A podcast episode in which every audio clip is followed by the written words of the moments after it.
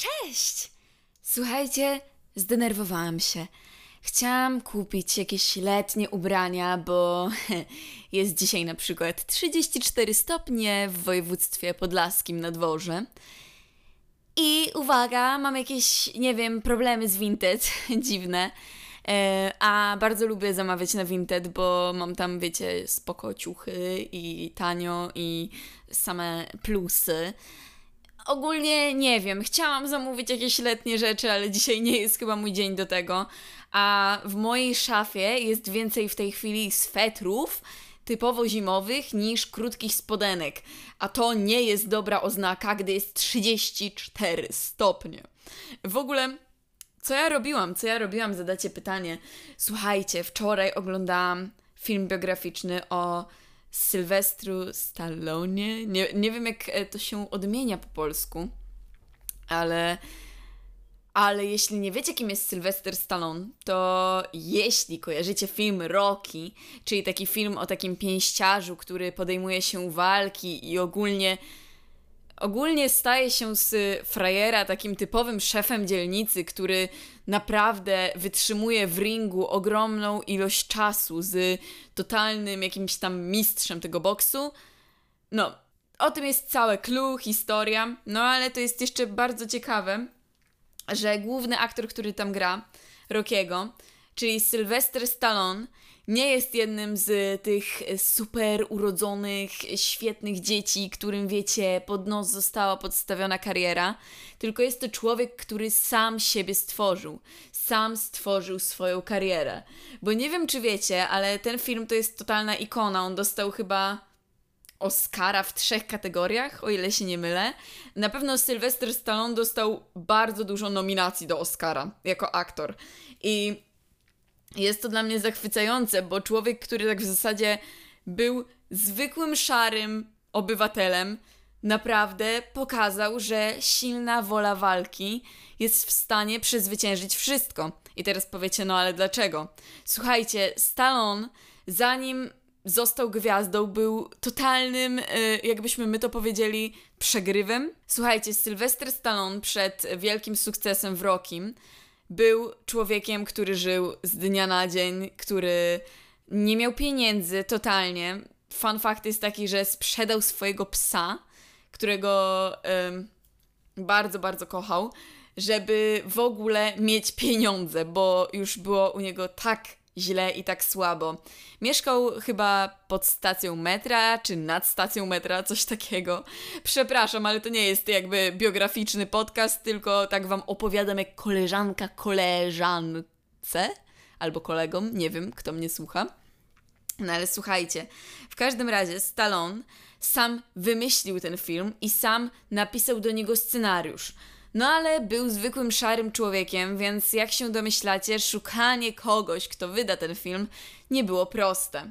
No i w końcu zaproponowali mu 125 tysięcy za ten film, ale warunek jest taki, że on tam nie gra głównej roli. No a Stallone musiał grać tam główną rolę, bo o to mu chodziło. On po prostu bardzo chciał zagrać główną rolę w tym filmie, bo sam go stworzył i co prawda zagrał tą rolę, ale kwota nie była już taka. Podaje, że podpisał kontrakt na 35 tysięcy. Film był nagrywany mega budżetowo, bo budżet na niego był mega mały. Chyba milion złotych, czy tam milion dolarów. Nie mam pojęcia. Wydaje się, że duża kasa, nie? Myślisz sobie, wow, przecież to jest tak dużo. Szczerze, na film jak oglądałam e, opinie ekspertów, to jest to naprawdę mierna kwota i niektóre ujęcia, że tak powiem, były nagrywane z ręki. W każdym razie, no wyobraźcie sobie taką sytuację, to tak jak każdy z nas, e, biorąc pod uwagę, że nie jesteśmy sławni na przykład i rozpoznawalni, poszedłby do jakiejś wytwórni i stwierdził, dobra, ja robię kinowy hit. No, kto by wam zaufał? Nikt, nie? No bo sorry, ale ludzie chcą sławnych nazwisk, a nie jakiegoś randoma spod stacji metra. Ale Stallone udowodnił, że wszystko jest możliwe i pewnie zastanawiacie się, co z tym psem, co go sprzedał. Ogólnie Sylwester mówił, że był to jeden z najcięższych dni w jego życiu, gdy musiał sprzedać tego psa. Ale uwaga, uwaga, odkupił go za 15 tysięcy dolarów zaraz po tym, jak y, dostał te pieniądze z tego filmu, więc jakby jedną trzecią kwoty przeznaczył na to, by odkupić swojego psa. Co oznacza, że chyba naprawdę kochał tego psa i serio zrobił to wtedy, bo już nie miał wyjścia. Ale pies nawet zagrał w filmie. I nie wiem, ta historia w ogóle sama nadaje się na film. Jakby z tej historii mogliby zrobić film, bo ja myślę, że Sylwester Stallone jest trochę jak ten tytułowy Rocky z tego filmu, czyli jest po prostu człowiekiem, dla którego nie ma ograniczeń. I tak w zasadzie wydaje mi się, że Stallone udowadnia to wszystkim ludziom, którzy myślą, że o, ich sytuacja albo brak znajomości ich ogranicza. Nieprawda, jedyne ograniczenia są w naszej głowie. Oczywiście, no, jak masz znajomości, e, to na pewno jest to mega pomocne i jest to kluczem poniekąd ale bez tego również da się zrobić karierę, co Stallone udowodnił, będąc naprawdę później już ikoną lat 90. i 80. No ale e, historia jest motywująca, nie powiem, że nie, no bo w ogóle na początku, jak usłyszałam, że sprzedał swojego psa, to miałam takie, dlaczego? Ale jak usłyszałam, że go odkupił za 15 tysięcy dolarów, to stwierdziłam, że dobra, chłop chyba musiał naprawdę kochać tego zwierzaka. No i wracając, upały, moi drodzy, są takie upały, że mój mózg nie funkcjonuje normalnie. I teraz powiecie, Martyna, ale twój mózg ogólnie nie funkcjonuje normalnie. Hello, masz e, nerwicę natręstw, ty e, sprawdzasz po kilka razy, czy drzwi są zamknięte i nie wiem, uważasz, że e, jak nie nadepniesz na jakąś kostkę, to znaczy, że świat się zawali. Tak, tak funkcjonuje mm, u mnie nerwica natręstw. No, to prawda, mój łeb nie jest do końca zrównoważony, ale słuchajcie, czy ja uważam, że to źle? Uważam, że ja z tym walczę jak Stallone, tak? Czyli teraz, jak mój mózg mówi mi coś głupiego, to ja sobie myślę, nie, nie, nie. Ja jestem Rocky Balboa 2022 i nic mnie nie pokona. Wiecie jak jest.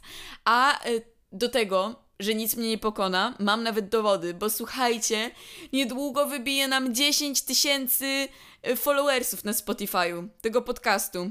Czy to nie jest amazing? Ja uważam, że to jest mega amazing.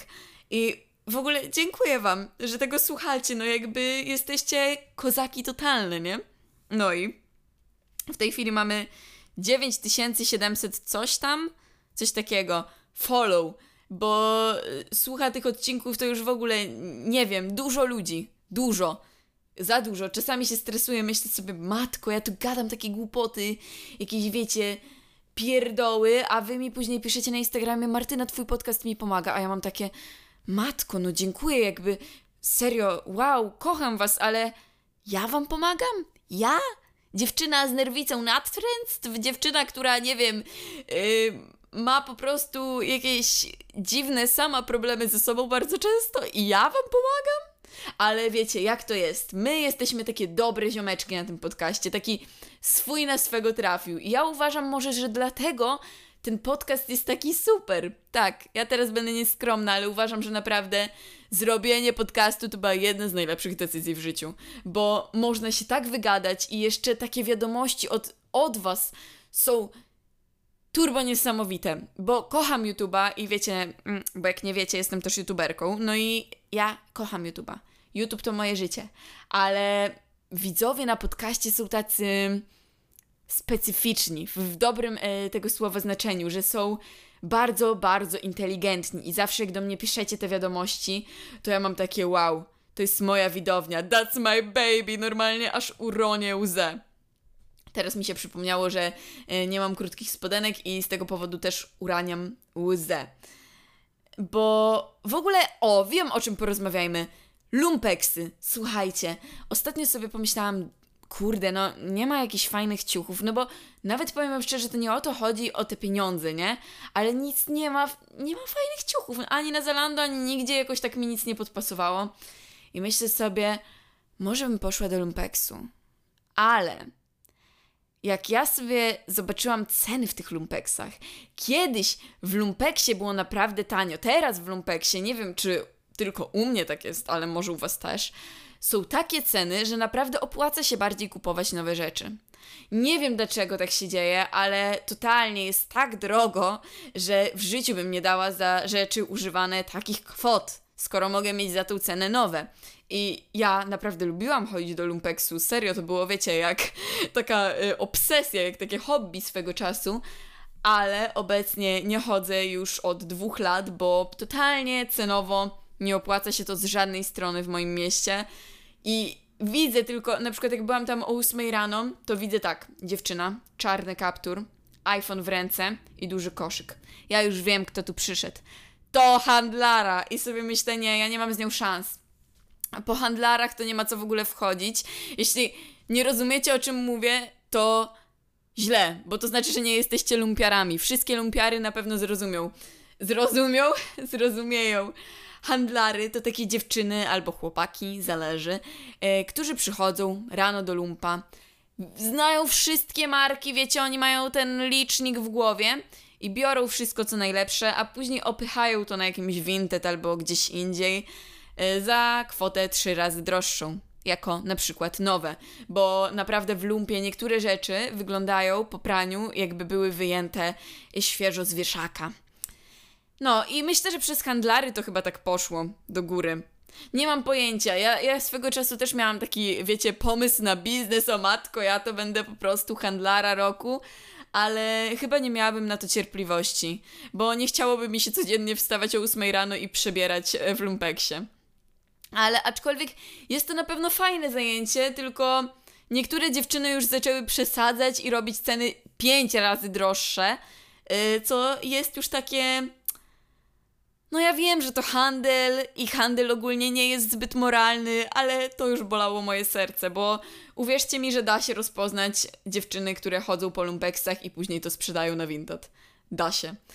W każdym razie, dobra, reasumując te moje wnioski, Sylwestra Stallona i lumpiary, to ja nadal nie mam krótkich ubrań. I mnie to irytuje.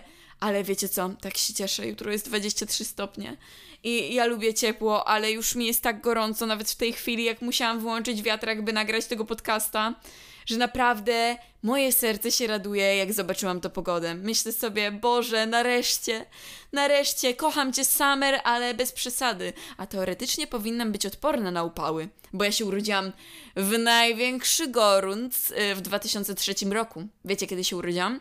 16 lipca. Tak, moi drodzy, to oznacza, że za 15 dni mam 19 lat i jestem starą dupą. Dobra, słuchajcie, mam dość. Uroniła mi się aż łza z tego powodu, że mam już 19 lat prawie. Ehm, tak, moi drodzy, żegnam was ja, prawie 19-letnia Martyna. Kocham, ściskam.